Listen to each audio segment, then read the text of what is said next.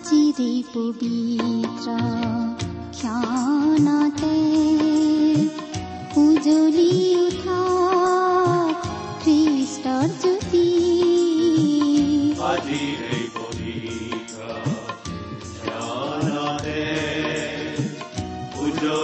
উঠা খ্ৰীষ্টৰ জ্যোতি আকাশ বতাহ মুখৰিত কৰি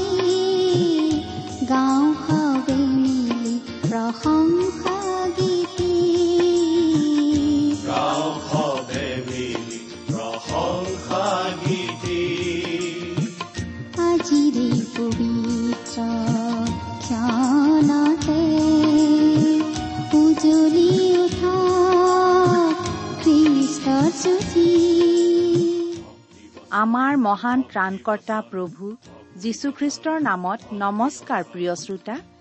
এয়া মুকলি কৰিবলৈ লৈছো বাইবেল অধ্যয়নৰ ধাৰাবাহিক অসমীয়া অনুষ্ঠান ভক্তি বচন। প্ৰতি মহান এজন প্ৰণাম তোমাৰ গ্ৰহণ কৰাই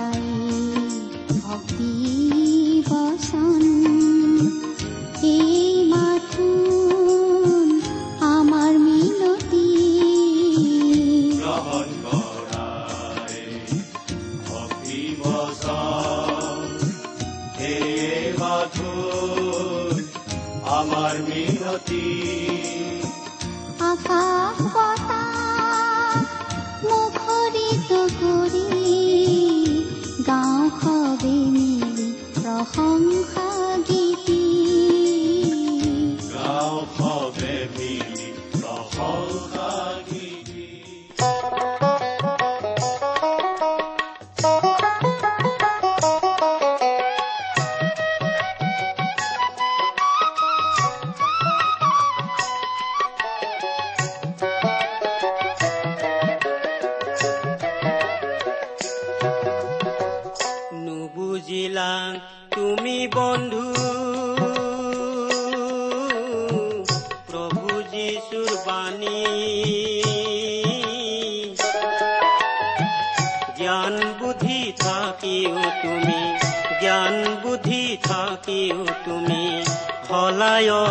জ্ঞানী হে।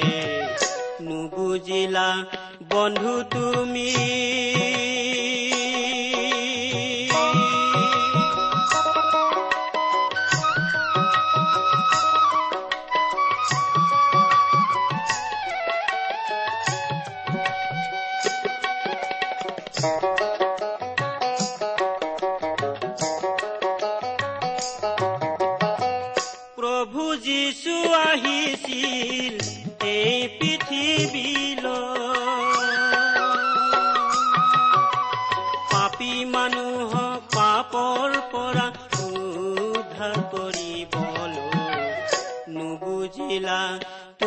বন্ধু প্ৰভু যীশুৰ বাণী। জ্ঞান বুদ্ধি থাকিও তুমি জ্ঞান বুদ্ধি থাকিও তুমি হলায় জ্ঞানী হে। নুবুজিলা বন্ধু তুমি। আমাৰ মহান ত্ৰাণকৰ্তা প্ৰভু যীশুখ্ৰীষ্টৰ নামত নমস্কাৰ প্ৰিয় শ্ৰোতা। আশা কৰো আপুনি আমাৰ মহান পিতা পৰমেশ্বৰৰ মহান অনুগ্ৰহত ভালে কুশলে আছে। লগতে এই বুলিও আশা কৰিছো যে আপুনি আমাৰ এই ভক্তিবচন অনুষ্ঠানটো নিয়মিতভাৱে শুনি আছে। আমাৰ বহুতো শ্ৰোতাই আমালৈ চিঠি পত্ৰ লিখি থাকে আৰু এই অনুষ্ঠান শুনি তেওঁলোকে উপকৃত হোৱা বুলিও আমাক জনায় আৰু তেনেকুৱা চিঠিবোৰে আমাক কাম কৰি যাবলৈ যথেষ্ট উৎসাহ যোগায়। আপুনিও আমালৈ দুষাৰিমান লিখি পঠিয়াবচোন। এই অনুষ্ঠান সম্বন্ধে আপোনাৰ মতামত জনাই দুষাৰিমান আজিয়ে লিখি নপঠিয়াই কিয়? আমাৰ ঠিকনা? ভক্তিবচন টি ডাব্লিউ আৰ ইণ্ডিয়া ডাক পাকচ নম্বৰ সাত শূন্য গুৱাহাটী সাত আঠ এক শূন্য শূন্য এক। ঠিকনাটো আৰু এবাৰ কৈছো ভক্তিবচন টি ডাব্লিউ আৰ ইণ্ডিয়া ডাক পাকচ নম্বৰ সাত শূন্য গুৱাহাটী সাত আঠ এক শূন্য শূন্য এক। আহকচোন আজিৰ বাইবেল অধ্যয়ন আৰম্ভ কৰাৰ আগতে খন্তেক প্ৰাৰ্থনা কৰো। আমাৰ স্বৰ্গত থকা মৰমীয়াল পিতৃ ঈশ্বৰ তোমাক ধন্যবাদ জনাওঁ কাৰণ তোমাৰ মহান বাক্য বাইবেল শাস্ত্ৰ অধ্যয়ন কৰিবলৈ তুমি আমাক আকৌ এটা সুযোগ দান কৰিছা। তোমাক শতকোটিবাৰ ধন্যবাদ জনাওঁ কাৰণ তুমি তোমাৰ একেজাত পুত্ৰ যীশুখ্ৰীষ্টৰ জৰিয়তে আমালৈ অনন্ত জীৱনৰ আশীৰ্বাদ বিনামূল্যে আগবঢ়াইছা। এতিয়া তোমাৰ বাক্য অধ্যয়ন কৰিবলৈ ওলাইছো। তোমাৰ বাক্য তুমিয়েই আমাক বুজাই দিয়া। আমাৰ মৰমৰ শ্ৰোতাসকলক উপচি পৰাকৈ আশীৰ্বাদ কৰা। তেওঁলোকৰ সকলো প্ৰয়োজনৰ কথা তুমিহে ভালদৰে জানা আৰু সেই সকলো তুমিয়েই পূৰণ কৰা। কিয়নো এই প্ৰাৰ্থনা আমাৰ মহান ত্ৰাণকৰ্তা প্ৰভু যীশুখ্ৰীষ্টৰ নামত আগবঢ়াইছো।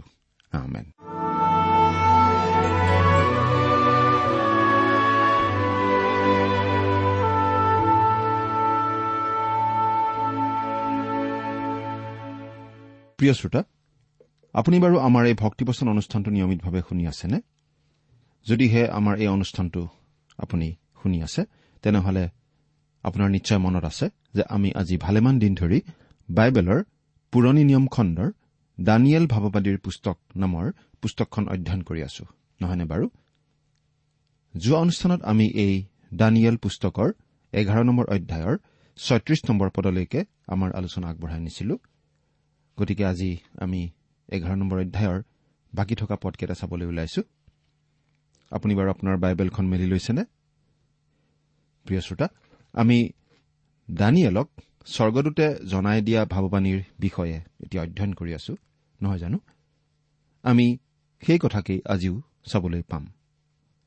দানিয়েলক স্বৰ্গদূতে যিবোৰ কথা জনাই দিছিল তাৰে কিছুমান কথা ইতিমধ্যেই ঘটি গ'ল আৰু সেইবোৰ এতিয়া ইতিহাস হ'ল। কিন্তু কিছুমান কথা ভৱিষ্যতে ঘটিবলগীয়া হৈ আছে। সেইবোৰ আমি এতিয়া দেখিবলৈ পাম। এতিয়া আমি পাম ভৱিষ্যতে আহিব লগা সেই ভয়ানক পাপ পুৰুষৰ কথা। বাইবেলৰ পৰা পঢ়ি দিম ছয়ত্ৰিশ নম্বৰ পদ দানিয়েল এঘাৰ নম্বৰ অধ্যায় ছয়ত্ৰিশ নম্বৰ পদ। ইয়াত আমি এনেদৰে পাওঁ তাৰ পাছত ৰজাই নিজ ইচ্ছামতে কাৰ্য কৰিব আৰু আটাই দেৱতাবোৰতকৈ নিজকে বৰ জ্ঞানী বুলি অহংকাৰ কৰিব। আৰু ঈশ্বৰবিলাকৰো ঈশ্বৰৰ অহিতে বিস্ময়জনক কথা কব। আৰু ক্ৰোধ সিদ্ধ নোহোৱালৈকে ভাগ্যৱান হ'ব। কিয়নো যি নিৰূপিত তাকেই কৰা যাব। এই পদৰ পৰা ইতিহাস শেষ হ'ল আৰু ভৱিষ্যৎবাণী আৰম্ভ হ'ল। কথাখিনি এজন জঘন্য পুৰুষৰ পৰা এটা ভয়ানক চৰিত্ৰলৈ আগবাঢ়িল। জুখিব নোৱাৰা এটা সময়ৰ ব্যৱধানৰ মাজত এখন সাঁকোৰ নিচিনাকৈ। এণ্টিয়কাছ এপিফানেছ নিশ্চয় এজন অতি ঘীনলগীয়া স্বভাৱৰ ব্যক্তি আছিল। কিন্তু ছয়ত্ৰিশ নম্বৰ পদৰ পৰা ঊনচল্লিছ নম্বৰ পদলৈকে বৰ্ণনা কৰা ভয়ানক ব্যক্তিজনৰ তুলনাত তেওঁ একোৱেই নহয়। এণ্টিয়কাছ ভৱিষ্যতে আহিবলগীয়া খ্ৰীষ্টাৰীৰ এটা আগতীয়া ৰূপ আছিল। আৰু এই শাস্ত্ৰাংশৰ আধাৰতেই আমি ক'ব পাৰো যে সেই আহিবলগীয়া খ্ৰীষ্টাৰীজন ভৌগোলিকভাৱে ৰোমান সাম্ৰাজ্যৰ মাজৰ পৰাই আহিব। এজন ৰাজনৈতিক খ্ৰীষ্টাৰী আহিব আৰু তেওঁৰ কথাই ইয়াত আচলতে বুজোৱা হৈছে। ৰোমান সাম্ৰাজ্যৰ পৰা অভ্যুত্থান হ'ব সেই পৰজাতীয় ব্যক্তিজনৰ। আন এজন খ্ৰীষ্টাৰী হ'ব ধৰ্মীয় খ্ৰীষ্টাৰী। তেওঁ নিজকে খ্ৰীষ্ট বুলি চিনাকি দিব আৰু তেওঁ আহিব ইছৰাইল দেশৰ পৰা। তেওঁ হ'ব ভেড়াৰ বেশত অহা ৰাং কুকুৰৰ নিচিনা। বাইবেলত খ্ৰীষ্টাৰীক বহুতো নাম দিয়া হৈছে। সেই নামবোৰ আমি এনেদৰে পাওঁ। ৰক্তপাতকাৰী আৰু কপটীয়া দুষ্ট মৰ্তলোক বীৰ শত্ৰু বৈৰী জাতিবোৰৰ অধিপতি দুৰ্জন মানুহ অচুৰীয়া বাবিলৰ ৰজা প্ৰভাতীয় সূৰ্য নষ্টকাৰী গজাল ভয়ানকবিলাকৰ গান ইছৰাইলৰ দুষ্ট অধিপতি সৰু সিং আহিবলগীয়া ৰজা নিহ মানুহ নিজ ইচ্ছামতে কাৰ্য কৰা ৰজা মূৰ্তি পূজক মেৰ ৰখীয়া পাপ পুৰুষ ইত্যাদি ইত্যাদি।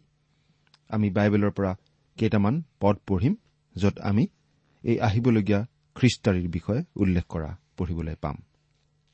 প্ৰথমতে পঢ়িছো দ্বিতীয় থিচলনিকীয়া দুই নম্বৰ অধ্যায়ৰ তিনি নম্বৰ পদটো প্ৰথমতে পঢ়িছো। তোমালোকক কোনোৰূপে ভুলাবলৈ কাকো নিদিবা। কিয়নো আগেয়ে সেই ধৰ্ম পৰিত্যাগ উপস্থিত হ'ব আৰু বিনাশৰ পুত্ৰ সেই পাপ পুৰুষ প্ৰকাশিত হ'ব। আকৌ দ্বিতীয় থিচলনিকীয়া দুই নম্বৰ অধ্যায়ৰ আঠ নম্বৰ পদতেই আমি এনেদৰে পঢ়িবলৈ পাওঁ গুচিলে সেই অধৰ্মীজন প্ৰকাশিত হ'ব। কিন্তু তাক প্ৰভু যীশুৱে তেওঁৰ মুখৰ ফোঁৰ দ্বাৰাই সংহাৰ কৰিব। আৰু তেওঁৰ আগমনৰ আৱিৰ্ভাৱৰ দ্বাৰাই লুপ্ত কৰিব। আকৌ এই পাপ পুৰুষক বাইবেলত কোৱা হৈছে খ্ৰীষ্টাৰী বুলি। সেই বিষয়ে আমি পাওঁ প্ৰকাশিত বাক্য ন নম্বৰ অধ্যায়ৰ এঘাৰ নম্বৰ পদত এনেদৰে পঢ়ি দিছো। অগাধ ঠাইৰ দূত সিহঁতৰ ওপৰত ৰজা আছিল। তাৰ নাম ইব্ৰী ভাষাত আবদ্দোন গ্ৰীক ভাষাত আপলিয়ন। তাৰপিছত আকৌ সেই প্ৰকাশিত বাক্যৰেই এঘাৰ নম্বৰ অধ্যায়ৰ সাত নম্বৰ পদত আমি এনেদৰে পাওঁ পাঠ কৰি দিছো। তেওঁবিলাকে যেতিয়া নিজ সাক্ষ্য সমাপ্ত কৰিব তেতিয়া সেই অগাধ ঠাইৰ পৰা যি পশু উঠি আহিব সি তেওঁবিলাকে সৈতে যুদ্ধ কৰি তেওঁবিলাকক জয় কৰি বধ কৰিব। আকৌ প্ৰকাশিত বাক্যৰেই তেৰ নম্বৰ অধ্যায়ৰ এক নম্বৰ পদৰ পৰা আমি পাঠ কৰিম। পাছে মই সাগৰৰ পৰা এটা পশুক উঠা দেখিলো। তাৰ দহোটা শিং সাতোটা মূৰ আছিল। তাৰ শিঙত দহোটা কিৰিটি আৰু তাৰ মূৰত ঈশ্বৰ নিন্দাসূচক নাম কিছুমান আছিল। বাইবেলত সেই খ্ৰীষ্টাৰীৰ বিভিন্ন নাম। এই খ্ৰীষ্টাৰীক কোৱা হৈছে নিজৰ নামেৰে অহা জনা ভয়ানক ৰূপৰ ৰজা ঘীনলগীয়া কাৰ্য কৰোতা ধ্বংস কৰোতা ইত্যাদি ইত্যাদি বিভিন্ন নামেৰে। ৰজাই নিজ ইচ্ছামতে কাৰ্য কৰিব। সেই খ্ৰীষ্টাৰী হ'ব নিজৰ খুচিমতে কাম কৰা লোক। কিন্তু আমি জানো প্ৰভু যীশুখ্ৰীষ্ট ইয়াৰ সম্পূৰ্ণ বিপৰীত। প্ৰভু যীশুখ্ৰীষ্টই এই বুলি কৈছিল আমি পঢ়িবলৈ পাওঁ জোহনে লিখা শুভবাৰ্তা পাঁচ নম্বৰ অধ্যায়ৰ ত্ৰিশ নম্বৰ পদত। তেওঁ কৈছিল মই নিজৰ পৰা একো কৰিব নোৱাৰো। যেনেকৈ শুনিছো তেনেকৈ সুধবিচাৰ কৰিছো। আৰু মোৰ বিচাৰ ন্যায় কিয়নো মই নিজ ইচ্ছালৈ নিচিন্তি মোক পঠোৱাজনৰ ইচ্ছালৈহে চিন্তু। নিজকে বৰ জ্ঞানী বুলি অহংকাৰ কৰিব। সেই সৰু শিংটোৱে নিজকে ডাঙৰ শিং বুলি দেখুৱাবলৈ চেষ্টা কৰিব। এই কথাটো কিন্তু প্ৰভু যীশুতকৈ কিমান বেলেগ? পাচনি পৌলে প্ৰভু যীশুৰ বিষয়ে এইদৰে লিখিছিল। ফিলিপিয়া দুই নম্বৰ অধ্যায়ৰ পাঁচৰ পৰা আঠ নম্বৰ পদলৈকে পঢ়িলে আমি এইখিনি কথা পাওঁ। খ্ৰীষ্ট যীশুত যি ভাৱ সেয়ে তোমালোকতো হওক। তেওঁ ঈশ্বৰৰূপী থাকোতে ঈশ্বৰৰ সমান হোৱাকেই কাঢ়ি লোৱা বুলি নামানিলে। কিন্তু নিজকে শূন্য কৰি দাসৰ ৰূপ ধাৰণ কৰি মানুহৰ নিচিনা হ'ল। আৰু আকাৰ প্ৰকাৰত মানুহৰ দৰে হৈ নিজকে সৰু কৰি মৃত্যুলৈকে এনেকি ক্ৰুচীয় মৃত্যুলৈকে আজ্ঞাধীন হ'ল। আটাই দেৱতাবোৰতকৈ নিজকে জ্ঞানী বুলি বৰ অহংকাৰ কৰিব। সেই আহিবলগীয়া খ্ৰীষ্টাৰীৰ বিষয়ে পাচনি পৌলে এই বুলি কৈছিল দ্বিতীয় থিচলনিকীয়া দুই নম্বৰ অধ্যায়ৰ চাৰি নম্বৰ পদ সি বিদ্ৰোহী হৈ সকলো ঈশ্বৰ নামধাৰীতকৈ আৰু পূজ্য পাত্ৰতকৈ নিজকে ওখ কৰে। এনেকি ঈশ্বৰৰ মন্দিৰত বহি নিজকে নিজে ঈশ্বৰ বুলি দেখুৱায়? আকৌ প্ৰকাশিত বাক্য তেৰ নম্বৰ অধ্যায়ৰ আঠ নম্বৰ পদত আমাক এই বুলি কোৱা হৈছে পাঠ কৰি দিছো। প্ৰকাশিত বাক্য তেৰ নম্বৰ অধ্যায় আঠ নম্বৰ পদ। তাতে জগত স্থাপনৰ পূৰ্বৰে পৰা হত হোৱা সেই মেৰ পোৱালীৰ জীৱন পুস্তকত যিবিলাকৰ নাম লিখা নাই পৃথিৱী নিবাসী সেই সকলো লোকে তাক প্ৰণিপাত কৰিব। কাৰোবাৰ যদি কাণ আছে তেওঁ শুনক। অৰ্থাৎ সেই খ্ৰীষ্টাৰীয়ে নিজকে ঈশ্বৰ দেখুৱাব আৰু আনৰ পৰা সেৱা উপাসনা গ্ৰহণ কৰিব। ঈশ্বৰৰ বিৰুদ্ধে নিন্দাসূচক বিদ্ৰোহ প্ৰদৰ্শন কৰা কাৰ্যটোৱে সেই আপোন ময়মত ৰজাজনক মানুহৰ প্ৰকৃত প্ৰতিনিধি বুলি প্ৰকাশ কৰিব। সেই খ্ৰীষ্টাৰীয়ে হৈছে ঈশ্বৰ বিদ্ৰোহৰ চূড়ান্ত ৰূপ।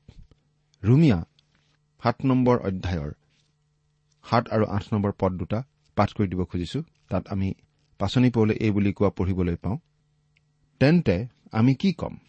বিধানেই পাপনে? এনে নহওক। কিন্তু পাপনো কি তাক মই নাজানিছিলো। কেৱল বিধানৰ দ্বাৰাই জানিবলৈ পালো। কিয়নো লোভ নকৰিবা ইয়াকে বিধানে নোকোৱা হলে লোভনো কি তাক নাজানিলোহেঁতেন। কিন্তু পাপে চল পাই সেই আজ্ঞাৰ দ্বাৰাই মোৰ অন্তৰত লোভ আদি সকলো অভিলাষ সাধন কৰিলে। কিয়নো বিধানৰ বিনে পাপ মৰা। সেই খ্ৰীষ্টাৰীয়ে হৈছে ঈশ্বৰ বিদ্ৰোহৰ চূড়ান্ত ৰূপ। মানুহৰ পুৰণি প্ৰকৃতিৰ মূৰ্ত প্ৰকাশ। মানুহৰ মাংসিক মনটো সেই খ্ৰীষ্টাৰীলৈকে ঢাল খাব। মানুহে যেতিয়া নিজৰ শাসনকৰ্তা নাইবা নেতা নিৰ্বাচন কৰে তেতিয়া কেনেকুৱা মানুহকনো নিৰ্বাচন কৰে? সাধাৰণতে নিজে যেনেকুৱা তেনেকুৱা মানুহেই নিৰ্বাচন কৰে। সেইকাৰণে আজি আমি পৃথিৱীখনত অতি দুখ লগা ধৰণৰ নেতৃত্ব আৰু শাসন লাভ কৰি আছো। জগতখনৰ নেতৃত্ব ভয় লগা বিধৰ কিন্তু তেনেকুৱা মানুহেই আমি নিৰ্বাচন কৰো।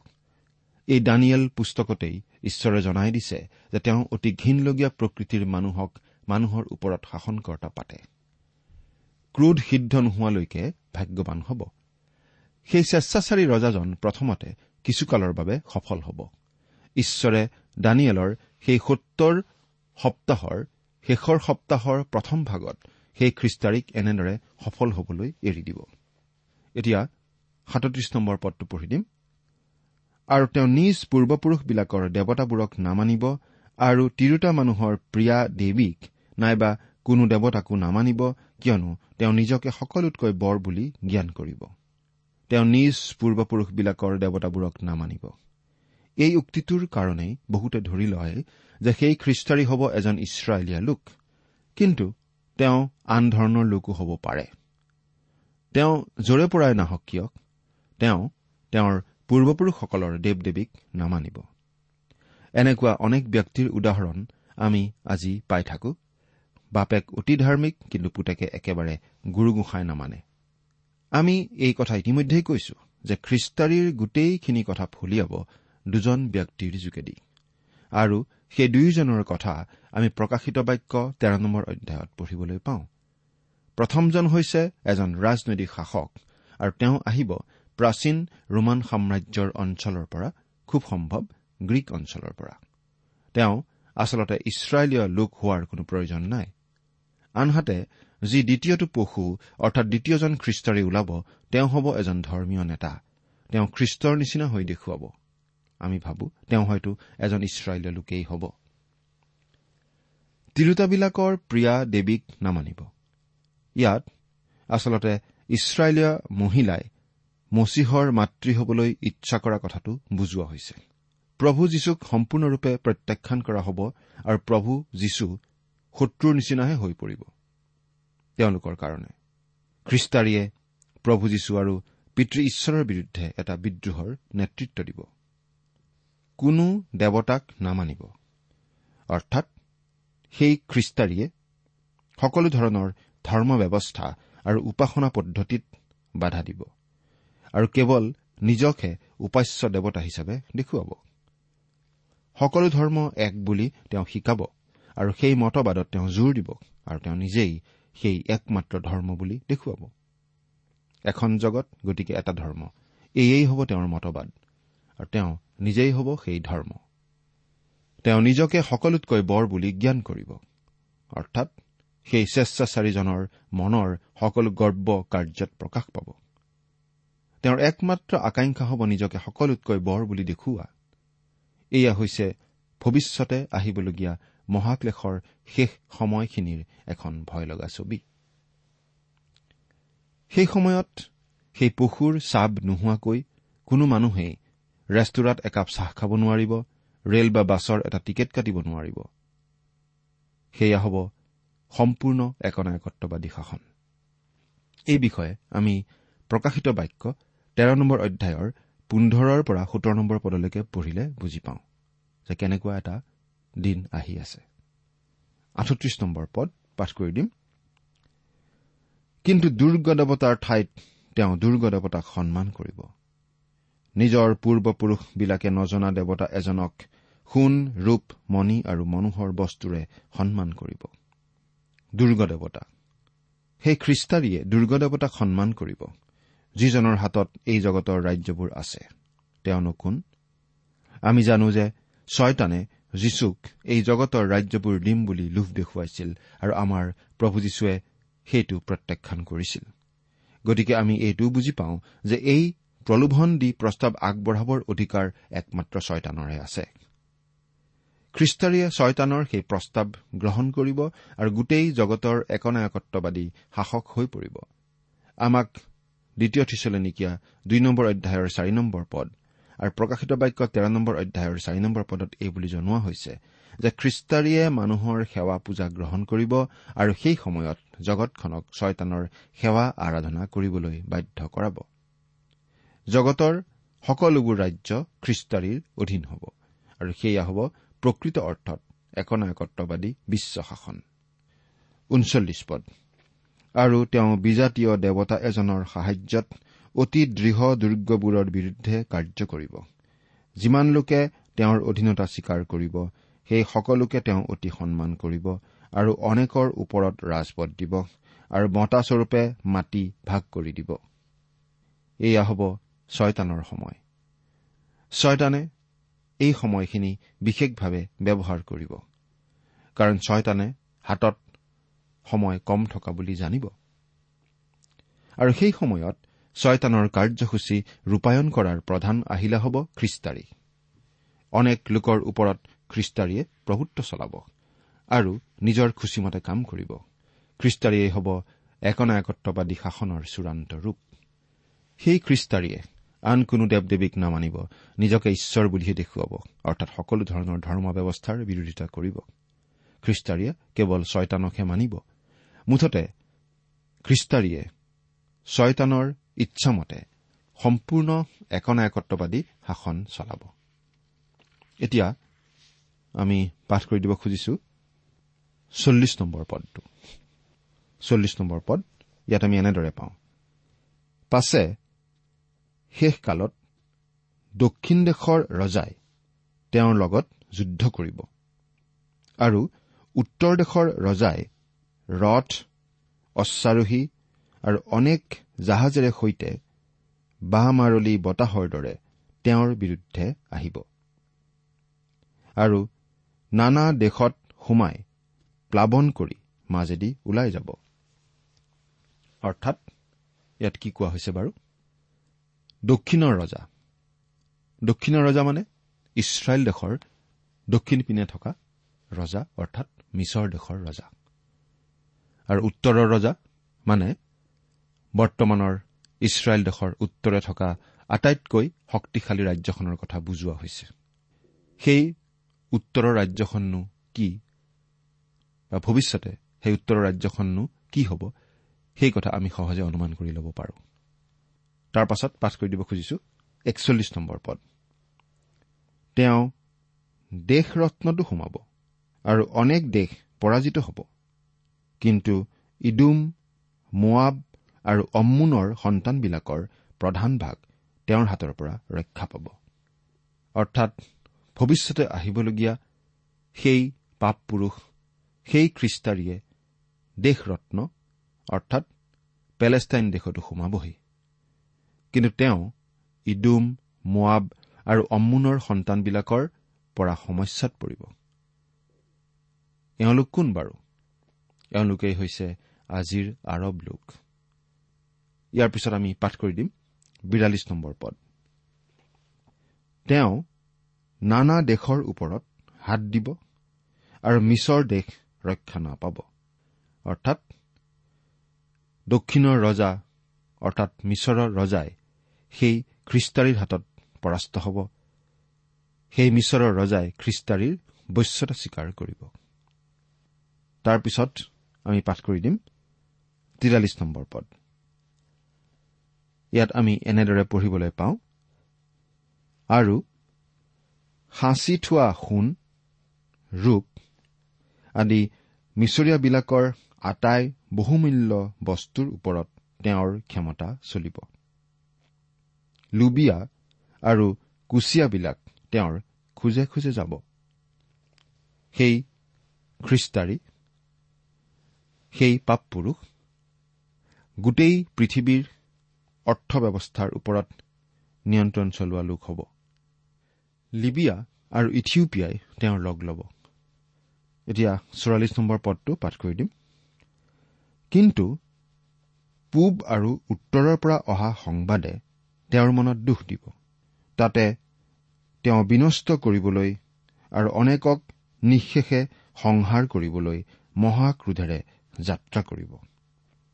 ইয়াত বাৰু কি কথা বুজোৱা হৈছে? পূব আৰু উত্তৰৰ পৰা অহা সংবাদে তেওঁৰ মনত দুখ দিব। পূব আৰু উত্তৰৰ পৰা অহা সংবাদ মানে সেই পেলেষ্টাইন দেশৰ পূব আৰু উত্তৰৰ পিনে থকা দেশসমূহৰ অগাধ জনসমুদ্ৰৰ পৰা অহা সংবাদ। অৰ্থাৎ সেই পিনৰ পৰা এক বিশাল সৈন্যবাহিনী আহিব। আৰু তেতিয়া সেই খ্ৰীষ্টাৰী বিপদত পৰিব শেষ মহাযুদ্ধ আৰ্মাগেডনৰ সূত্ৰপাত হ'ব। পঞ্চল্লিছ নম্বৰ পদ সমুদ্ৰ আৰু পবিত্ৰ গিৰিৰত্নৰ মাজ ঠাইত তেওঁ নিজৰ ৰাজতম্বু তৰিব। তথাপি তেওঁৰ অন্ত উপস্থিত হ'ব তেওঁক সহায় কৰোতা কোনো নহ'ব। সমুদ্ৰ মানে কি বাৰু? সমুদ্ৰ মানে ইয়াত ভূমধ্য সাগৰক বুজোৱা হৈছে। আৰু পবিত্ৰ গিৰিৰত্ন মানেনো কি? পবিত্ৰ গিৰিৰত্ন মানে ইয়াত জিৰচালেমক বুজোৱা হৈছে। অৰ্থাৎ আমি এই কথা বুজি পাওঁ যে সেই সময়ত সেই খ্ৰীষ্টাৰীয়ে ভূমধ্য সাগৰ আৰু জিৰচালেমৰ মাজত তেওঁৰ মুখ্য কাৰ্যালয় স্থাপন কৰিব বিশ্বজয়ৰ বাবে। কিন্তু তেওঁ সেই মুখ্য কাৰ্যালয়ৰ পৰা শাসন কাৰ্য চলাবলৈ নাপাব বৰং তেওঁ প্ৰভু যীশুৰ হাতত ধ্বংসহে হ'ব কাৰণ প্ৰভু যীশু আকৌ আহিব প্ৰবল প্ৰতাপেৰে আৰু সকলো বিদ্ৰোহ তেওঁ দমন কৰিব। এই পৃথিৱীখন অধাৰ্মিকতাই গ্ৰাস কৰিবলৈ চেষ্টা চলাব যদিও প্ৰভু যীশু আহি সেই সকলো দমন কৰিব আৰু তেওঁৰ ন্যায় শাসন প্ৰতিষ্ঠা কৰিব। তেতিয়া এই পৃথিৱীখনে প্ৰকৃত অৰ্থত অন্যায় অধৰ্মৰ পৰা মুক্তি পাব। সেই দিনটোলৈ আপুনি বাৰু আগ্ৰহেৰে অপেক্ষা কৰি আছেনে? চিন্তা কৰি চাওকচোন। ঈশ্বৰে আপোনাক আশীৰ্বাদ কৰক। বন্ধু তুমি।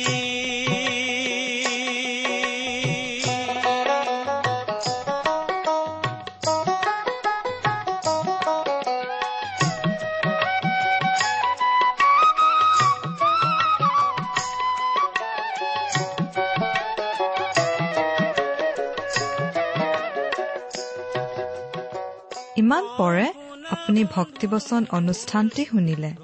অনুষ্ঠানটি শুনি কেনে পালে আমালৈ চিঠি লিখি জনাবচোন? অনুষ্ঠানত প্ৰচাৰ কৰা কোনো কথা বুজিব লগা থাকিলেও আমালৈ লিখক। আমাৰ ঠিকনা ভক্তিবচন টি ডাব্লিউ আৰ ইণ্ডিয়া ডাক পাকচ নম্বৰ সাত শূন্য গুৱাহাটী সাত আঠ এক শূন্য শূন্য এক। ঠিকনাটো আৰু এবাৰ কৈছো ভক্তিবচন টি ডাব্লিউ আৰ ইণ্ডিয়া ডাক পাকচ নম্বৰ সাত শূন্য গুৱাহাটী সাত আঠ এক শূন্য শূন্য এক। আপুনি ইমেইল যোগেৰেও আমাৰ সৈতে যোগাযোগ কৰিব পাৰে। আমাৰ ইমেইল আইডিটো হৈছে Assamese T TV at radio' eight eight two dot com. আইডিটো আকৌ এবাৰ কৈছো। Assamese T TV at radio' eight eight two dot com. আপুনি টেলিফোনৰ মাধ্যমেৰেও আমাক যোগাযোগ কৰিব পাৰে।